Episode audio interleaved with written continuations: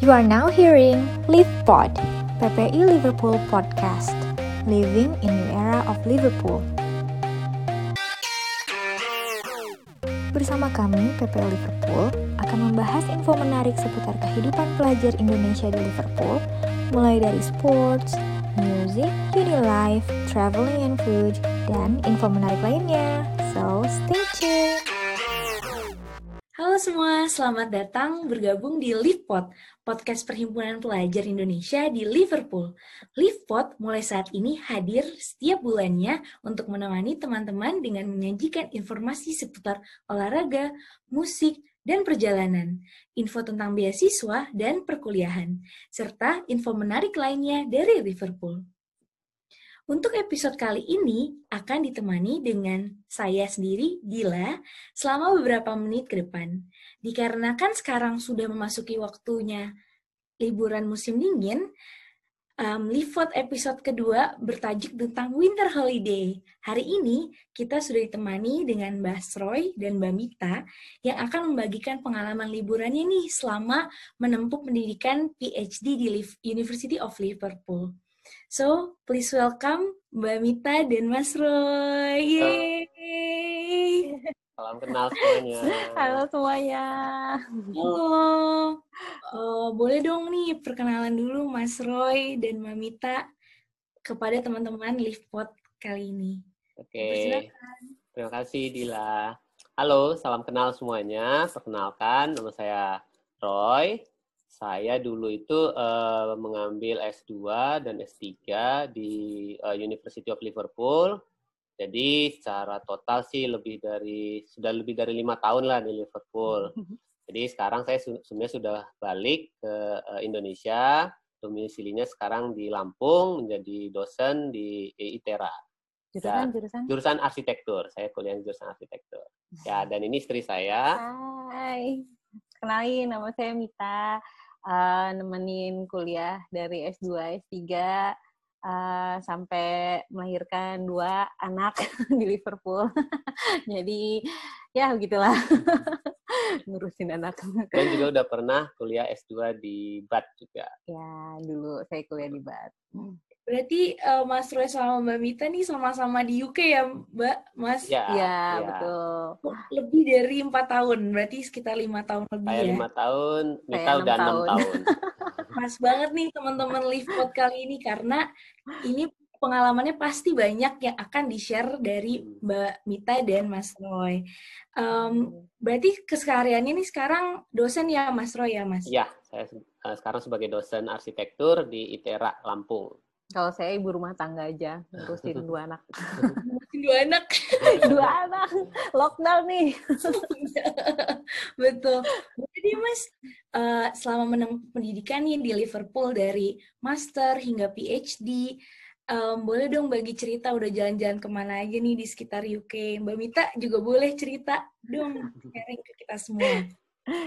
Ya, uh, kalau ini ya, apa namanya, uh, kan sekarang winter nih, jadi mungkin kita lebih spesifik ke winter ya. Tapi sebenarnya uh, ceritanya bisa bisa ke apa ya, pilihannya ada banyak lah gitu.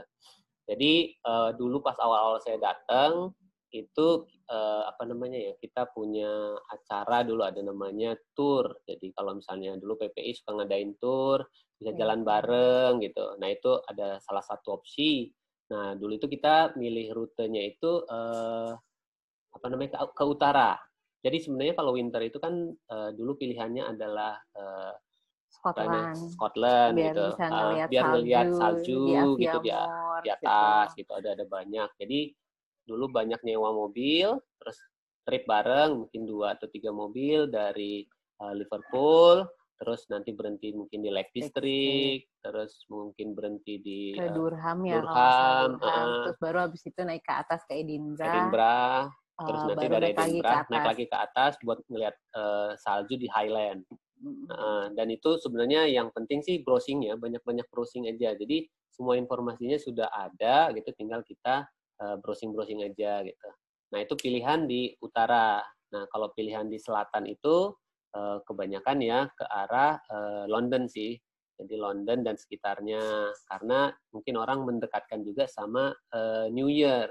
Jadi winter break-nya itu antara Christmas dan New Year. Karena di Edinburgh itu uh, ada namanya Guy uh, apa? Apa tuh? Yang yang sebelum New Year itu Hawkmane. Hawkmane. Jadi di situ ada nanti kayak parade-parade. Uh, Kayak terus festival, kayak festival gitu. Jadi sebelum New Year 31, ada tanggal uh, 31. tanggal 31. Nah, itu yang sering dikejar ke arah Edinburgh.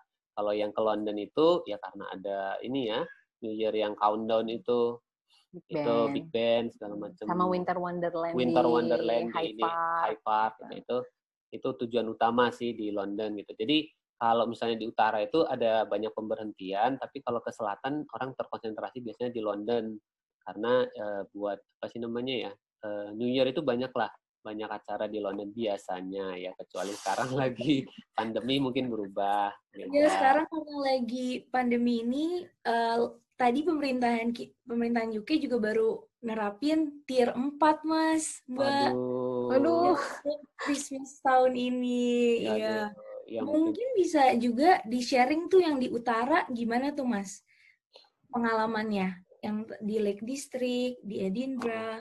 Kalau ini ya, eh, winter itu ini ya, apa namanya ya, dingin dan sebenarnya waktu itu eh, dekat lah, maksudnya Cepat. cepat gitu. Jadi kalau misalnya kita hitung waktu buat matahari kan dimulai mungkin sekitar jam 8 atau jam Sembilan, 9, mungkin sampai jam 3 atau jam 4 gitu ya.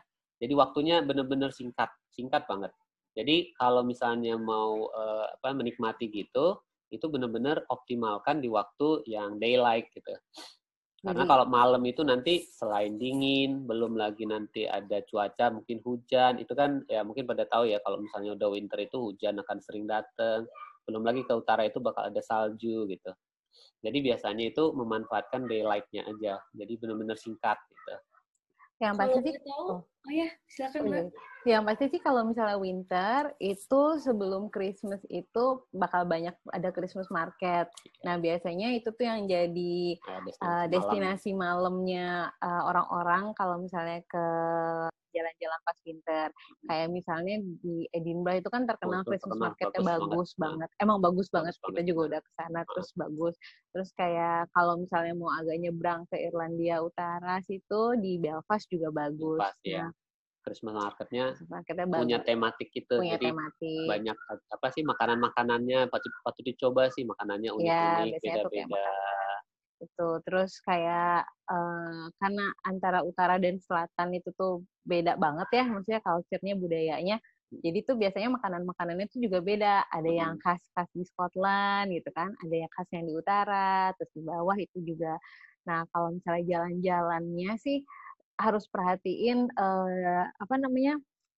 Waktu masuk eh, apa sih time eh, yang bu- buka Jam buka, jam buka tutupnya Buka itu. tutupnya ya. Uh, karena biasanya lebih cepat Lebih kan. cepat, Jadi kalau lebih misalnya ada destinasi wisata yang emang mau dikunjungin, pastiin banget itu masih buka jam segitu atau Hmm. enggak gitu. Karena nanti kalian udah capek-capek Ya. nyampe ke sana gitu kan, terus tiba-tiba ini udah tutup karena ada banyak banget yang kayak jam 4 sore itu udah tutup. tutup gitu kan. Kalau misalnya kayak kita nyetir sendiri kan nyampe di sana mungkin jam 3 terus cuma Mm. sejam habis itu kalian udah ini kan udah selesai udah Jadi, tutup. Pilihannya benar-benar cuman beberapa lah. Mungkin kalau misalnya apa kalian sudah punya pilihan nih, saya pengen ngelihat mungkin museum atau ngelihat ada ada sesuatu yang unik gitu, udah fokus gitu, jangan terlalu banyak. Karena kalau terlalu banyak nggak akan kelihatan gitu. Gitu. Betul, betul banget tuh.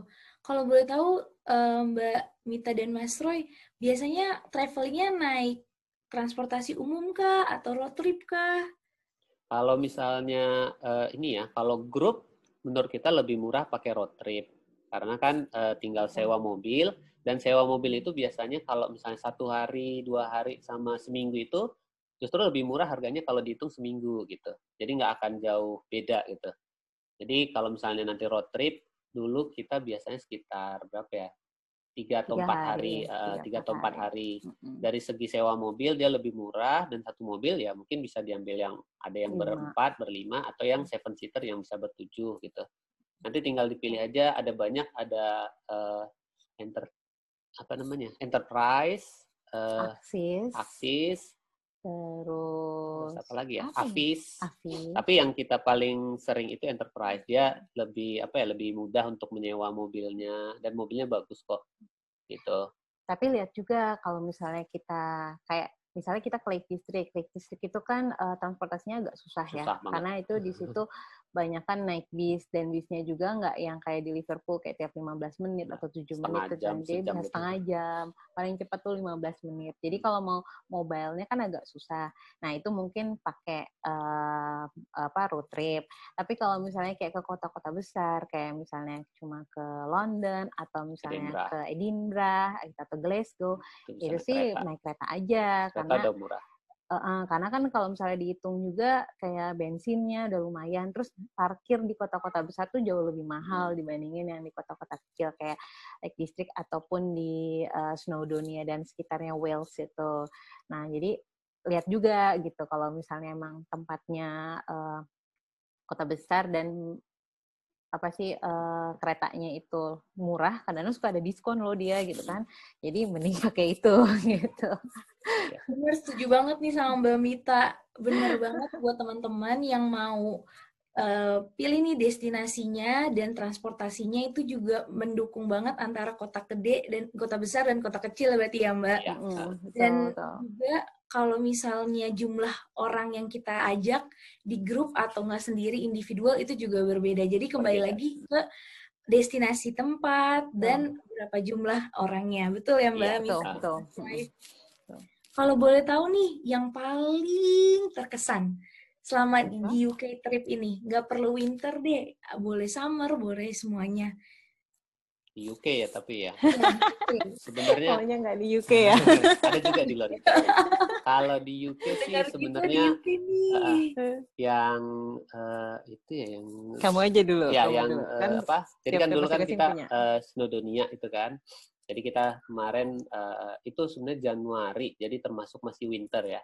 Jadi kita sebenarnya Februari Februari eh, Februari ya, Februari. eh, Februari ya. Karena itu masih ada salju itu. Jadi kita kemarin berempat dan berlima sih sama berlima. si Cesa Jadi saya bawa bayi.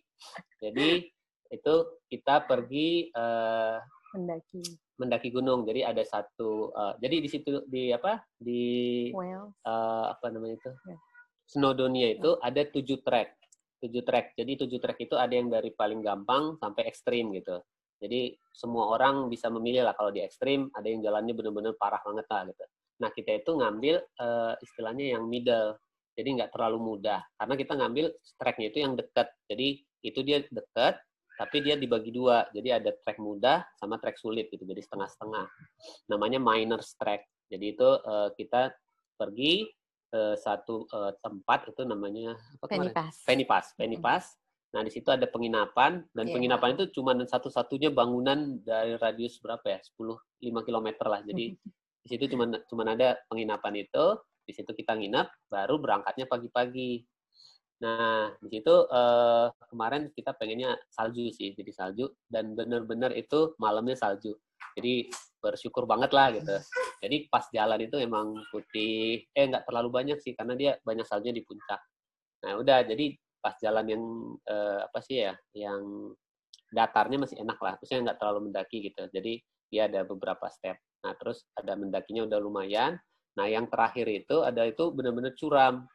Nah Hmm. kita sebenarnya udah mikir-mikir, karena saya bawa bayi dan bawanya itu di, di punggung kan, jadi kayak udah gimana ini gitu. Tapi ya udahlah, palang tanggung jalan aja gitu.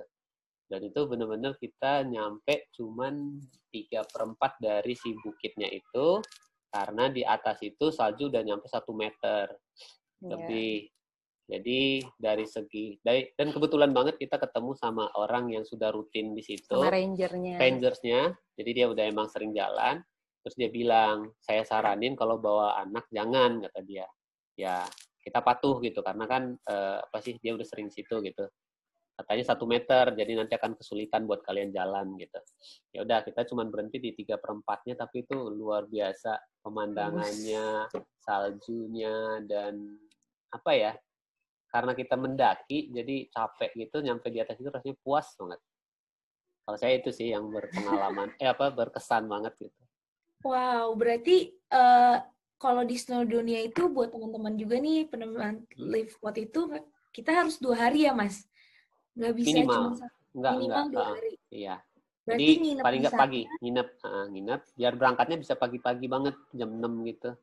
Karena Oh, kalau udah, ah, ah, kalau udah siang, ini dia itu apa namanya eh, suka udah panas kalau misalnya pas summer, kalau pas winter itu kadang ya cuaca tidak terduga gitu. Jadi ya kita harus memprediksi. Jadi nanti ya mungkin kalau misalnya lagi badai, ya jadinya harus ditunda atau dimajuin gitu. Jadi benar-benar harus di spare waktunya. Kalau Ah, summer ke panasnya, tapi kalau ke winter karena nggak ketebak cuacanya, jadi nggak tahu kapan mau pergi gitu. Eh, boleh deh mas dikasih tips juga nih buat teman-teman liftpot kita. Em, itu mas cara cari tempat tinggalnya tuh yang paling deket kah atau yang paling nyaman kah? Gimana tuh mas? Kalau khusus untuk Snowdonia sih itu cuma ada eh, itu doang gitu. Dia ada YHA bener ya? Ya, ya. YHA. Dia cuma ada satu-satunya penginapan di situ gitu, nggak ada yang lain gitu. Jadi ya kalau misalnya emang planning ke sana jauh-jauh hari, coba aja dia biasanya banyak diskon kok. Jadi harga murah gitu bisa di situ gitu. Biasanya kalau YHA itu dia emang khusus yang kayak di daerah yang remote area remote gitu. area. Jadi kayak untuk kayak Wales atau Lake District Lake tuh mereka banyak nah, di banyak. situ karena memang eh, targetnya tuh untuk yang menikmati alam. Nah, kalau kayak di Snowdonia eh, itu karena kebetulan mereka tuh pasti taruh di titik-titik di mana eh, ada jalur pendakian. Jadi memang ma- maksudnya itu adalah biar nanti orang begitu mendaki langsung ke si YHA-nya itu gitu. Tapi kalau misalnya di kota yang, eh selain Snowdonia di Wales juga itu ada banyak sih penginapan yang lain. Kalau kita karena keluarga, jadi biasanya nyarinya tuh kalau nggak YHA travel lodge gitu, yang harganya oke buat keluarga. Tapi kalau misalnya masih single gitu atau cuma pergi berdua gitu, biasanya sih banyak dormitori-dormitori lain yang bagus kok gitu. Cuma ya lihat-lihat aja di ininya, di apa namanya di reviewnya gitu. Betul banget. Kalau Mbak Mita gimana nih Mbak? Yang paling terkesan di mana? Kalau Ah. di Aku kalau aku di waktu summer, kalau tadi Roy di bagian winter, aku di summer. Jadi aku berkesan banget sama ada yang namanya solstice summer di Stonehenge. Jadi kan kalau kita di kita pergi ke Stonehenge di hari-hari selain solstice itu, kita cuma bisa ngeliat di sampingnya. Nah, khusus untuk solstice, baik itu summer maupun winter, dia dibuka. Jadi kita tuh bisa masuk sampai ke tengah, bisa masuk, bisa megang batunya, bisa nginep di situ gitu. Jadi kalau yang buat yang belum tahu, solstice itu eh, apa namanya? Kalau solstice summer tuh berarti tanda bahwa ini kita udah masuk summer. Kalau winter itu tanda bahwa kita udah masuk winter. Nah, jadi si Stonehenge itu kan bentuknya bulat gini nih.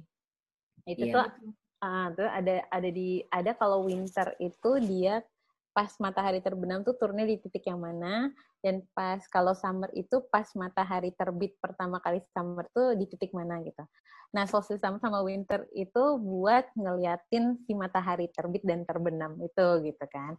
Jadi itu eh, ada namanya kalau di di UK tuh apa sih pagan pagan tuh apa ya kayak pemuja Pemuja.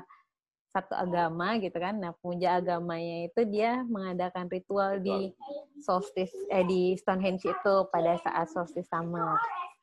Jadi itu ini banget apa namanya eh rame banget gitu waktu pas hari solstice summer itu dan kita nginep di.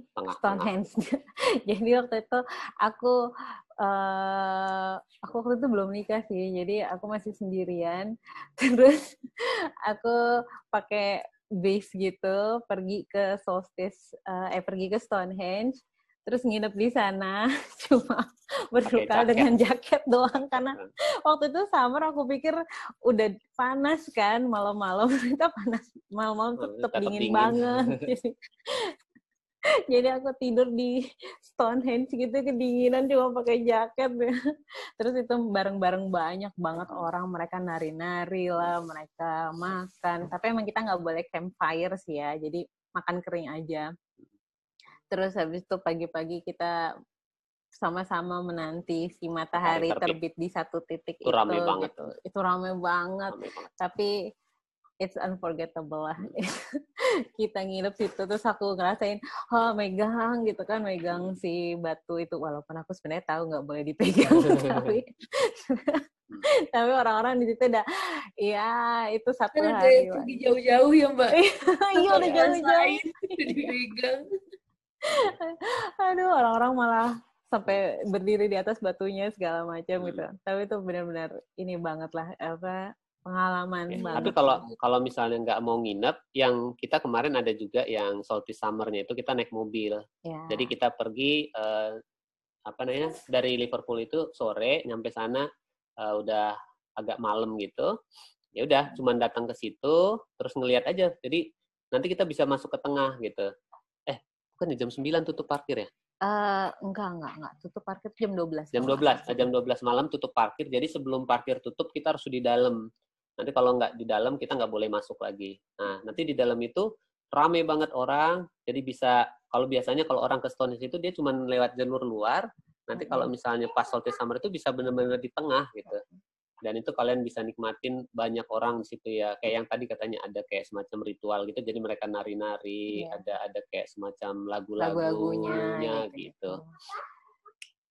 Terus juga kalau misalnya mau road trip, kalian bisa nggak tidur di kalau aku kan karena aku sendirian ya, jadi aku tidurnya di Stonehenge itu di sekitarannya. Kalau nggak bisa pakai mobil terus tidur di mobil aja. Nanti pas sudah mau sunrise baru kalian jalan ke sana gitu kan. Nanti ngelihat. Jadi kan kalau di mobil kan ada pemanas kan, jadi anget kan gitu ya. Paling agak bensin aja sih gitu.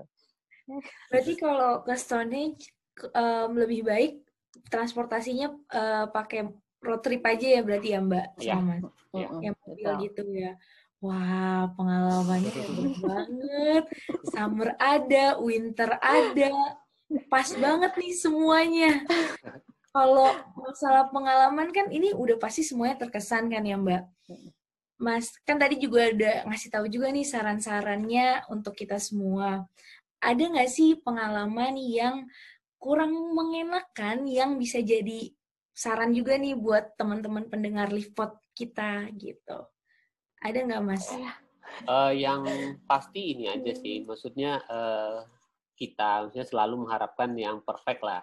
Jadi kayak kemarin itu kan eh, yang yang aku naik ke Sunodonia itu ke puncaknya itu, ya kita mengharapkan ya cuaca cerah, bisa ngelihat apa apa gitu kan. Ya alhamdulillah kemarin dapet. Terus tapi ada banyak tempat itu yang kita ke Lake District.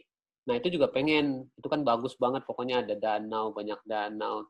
Terus Hmm. habis itu eh, apa cer apa sih namanya eh, langitnya biru lah pengennya gitu ya. Tapi di situ Hujan. kita hujan, kena hujan terus gitu. Jadi Showering sih, ya, tapi ya kita di UK, maksudnya kalian itu ntar di UK itu jangan berharap ya bakal terprediksi lah semua akan cerah gitu. Jadi cuaca itu bisa berga, apa berganti sekian detik itu udah ganti lagi ganti lagi gitu.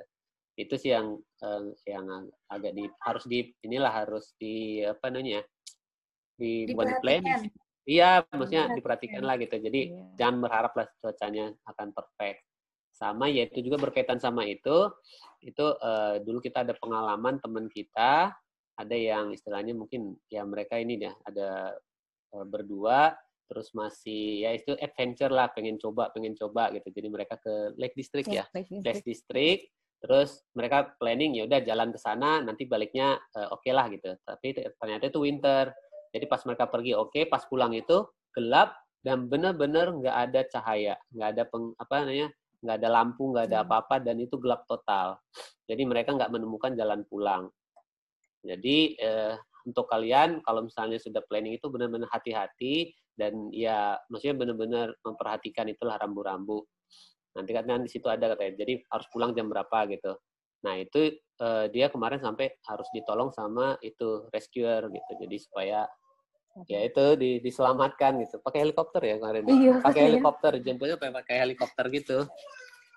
Jadi eh, harus benar-benar itulah memperhatikan itulah apa namanya biasa ada sih itu eh, peringatan-peringatan gitu. Waktu saya ke Sedononia juga ada peringatannya. Itu penting untuk dibaca jangan jangan diabaikan gitu. Kalau secara itu sih kita nggak iya Itu ya, rambu-rambu. Harus ya jadi di jalan juga kan suka banyak rambu-rambu gitu ya.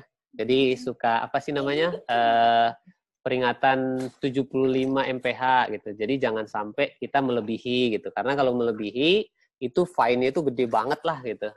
Ada kecepatan, dilarang parkir, terus apalagi ya biasanya ya? Kelebihan parkir. Jadi biasanya kalau kita parkir di jalan, itu kan biasanya jangan lupa ada koinnya dan itu per dua jam, per empat jam gitu. Oh, Lebih baik dipasang, ditaruh sih ini. Oh iya karcis, jangan lupa taruh karcisnya. Jadi kalau setelah dibeli tiketnya dipasang karcisnya gitu. Karena fine-nya itu nanti kenanya itu setelah kita pas oh. ngembaliin mobil. Jadi nanti kita ngembaliin mobil kita sangka sudah selesai, nggak taunya nanti keluar tagihan sekian ratus pound karena fine gitu. Jadi itu harus hati-hati lah, itu bisa lebih besar daripada biaya sewanya. Oh, betul gitu banget sih. tuh. Uh-uh. Kalau uh, kalau boleh tahu nih, sebelum berpergian biasanya Mbak Mita dan Mas Roy itu persiapinnya apa aja? Kalau oh, boleh tahu. Kalau persiapan ya, yang biasa kita persiapin sih ini ya, uh, pelajari benar-benar itunya, tempatnya. Jadi uh, informasi tentang tempatnya itu udah banyak banget lah di apa namanya di website di mana-mana gitu. Jadi benar-benar iya pelajari, nanti ada itunya uh, informasinya banyak. Terus uh, jangan over inilah baju atau apa gitu. Karena kebutuhan apa sih namanya kayak uh, supermarket apa sih namanya itu ya? Tesco, Tesco segala macam itu. Aldi itu ada ada banyak lah di mana-mana kecuali misalnya kayak Snowdonia gitu. Itu emang nggak ada buat tempat makan jadi ya mungkin ada uh, buat snack atau makan lah gitu. Sisanya sih uh, masih ada lah beras segala macem gitu, masih gampang. Jadi jangan terlalu banyak bawa-bawa peralatan gitu. Hmm, terus, terus apa, apa ya? lagi? Uh, kalau aku sih lebih ke buat anak-anak ya, kayak misalnya uh, apakah ada yang kayak acara atau tempat yang buat anak-anak. Oh, iya. Misalnya kalau mereka lagi bosen, kita bisa ke situ buat refreshing ya. Ataupun pas kayak lagi makan siang taman tuh paling banget taman. paling penting banget gitu kan. Jadi kayak kita bisa duduk di taman anak-anak bisa lari terus habis itu jam buka jam masuk sih. Oh iya. Karena kita kayak kalau apalagi kalau termasuk yang suka kejar target kan kita termasuk yang itu kejar target jadi udah ada listnya udah ada jadi harus ada ngelihat sekian objek gitu jadi itu kan harus di uh, manage banget banget ya jadi misalnya ini uh, ini bukannya dari jam segini sampai jam segini, hmm. jam segini sampai jam segini. Transportnya gitu. apa? Transportnya apa? Ke mana? Gitu. Harga transportnya berapa? Harga transportnya berapa? Intinya sih sebenarnya banyak-banyak baca dan banyak-banyak kumpulin informasi seolah-olah hmm. kayak kamu itu tinggal di situ. Dan iya. jadi ketika kamu ke ke kota itu tuh tinggal kayak oh, oh ini kok oh iya. ini kok oh ini kok gitu. Tapi udah hmm, tahu udah tahu. berarti uh, berencana dengan baik itu yang paling penting ya? Paling jadi, penting. Uh. jadi nggak bisa tuh langsung pergi terus lihat suasananya gimana nggak bisa berarti ya kayak gitu uh, ya? Eh, bisa tapi nggak nggak optimal gitu. Jadi kalau kita kan pengennya kan uh, sudah ada target gitu. Jadi ini pengen uh, ngelihat sekian objek gitu. Jadi kalau misalnya kita pengen ngelihat sekian objek itu benar-benar kita atur. Jadi dari ini pagi harus ke sini dulu siang nanti yang ke sini sore yang ke sana gitu. Mungkin kalau misalnya untuk pertama kali uh, bisa kali ya kayak gitu tapi mungkin nanti nggak optimal. Gak tapi kalau misalnya sih. udah yang nanti kedua kali ketiga kali gitu kayak kita waktu itu pernah uh, ke Wales jadi uh, Wales yang utara itu awalnya yang pas lama gitu masih oh diiniin ke kota ini kota iya, ini yeah. gitu kan terus begitu yang kedua yang ketiga karena udah tahu jalurnya kayak gimana mm -hmm. di sananya kayak gimana kita gue aja langsung uh, gitu kan. Pinjam mobil habis itu pergi ke kota ini pergi uh, gitu kan. Terus nanti makannya di mana? Ya cari aja cari lah aja. McD apa Vicenci paling sandar lah McD Vicenci pasti ada. Jadi pasti selamat lah.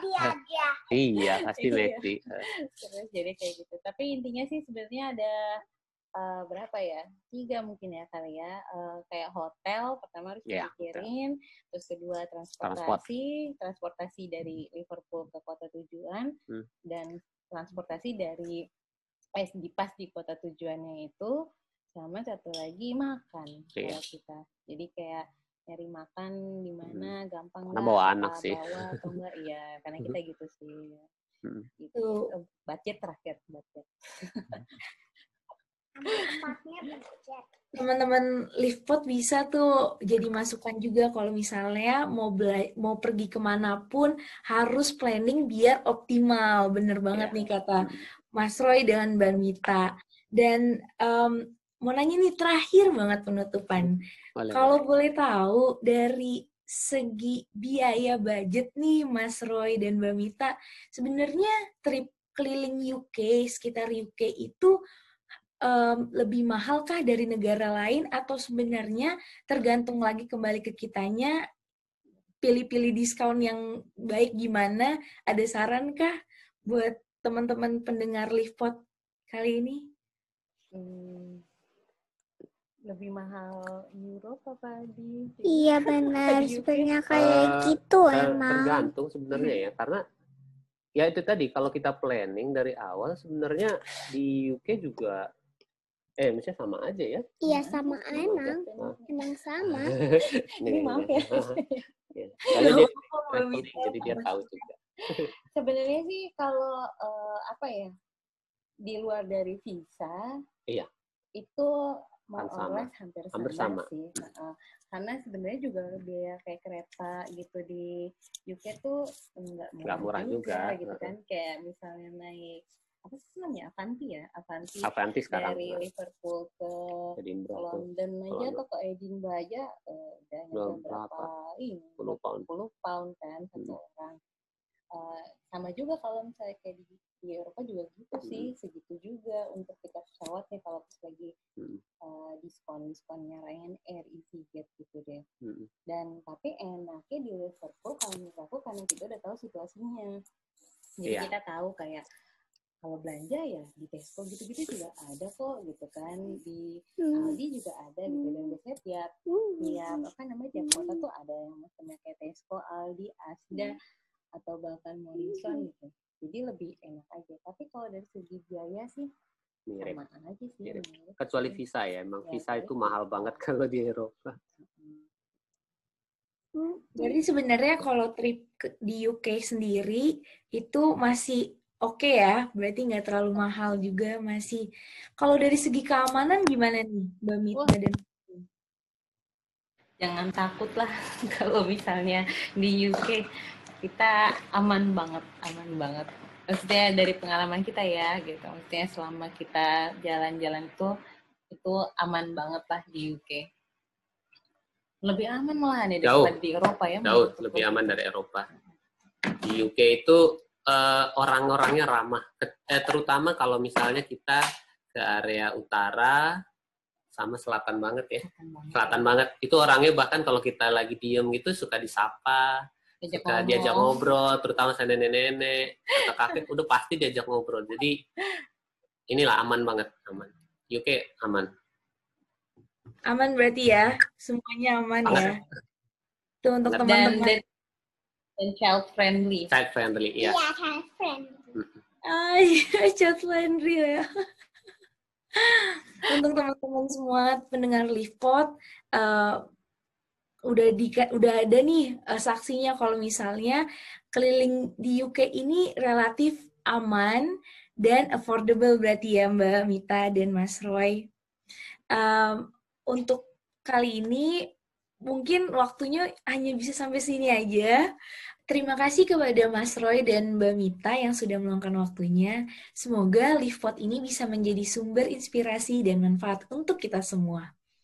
Untuk teman-teman semua yang memiliki rencana untuk berpergian di tengah pandemi ini, dihimbau untuk mempertimbangkan kembali. Jangan lupa untuk selalu update informasi perkembangan kondisi di kota tujuan dan travel restriction yang ada. Gunakan masker, jaga kesehatan, dan cuci tangan dengan rutin. Jangan lupa menjaga jarak dan patuhi arahan dan instruksi yang ada. Liftpot ini bisa didengarkan di Spotify, iPodcast, Anchor, dan bisa juga ditonton melalui YouTube dan IGTV PPI Liverpool. Terima kasih untuk teman-teman yang sudah mendengarkan. Nantikan Liftpot selanjutnya dengan tema-tema menarik lainnya. Ya, Fadila Nadia Rahenda mewakili teman-teman dari PPI Liverpool undur diri. Ciao, bye. Terima kasih telah mendengarkan Liftpod. Jangan lupa like, subscribe, dan komen. Untuk info menarik lainnya, jangan lupa follow IG kami di ppi underscore Liverpool. Juga di website kami di www.ppiliverpool.org. Terima kasih.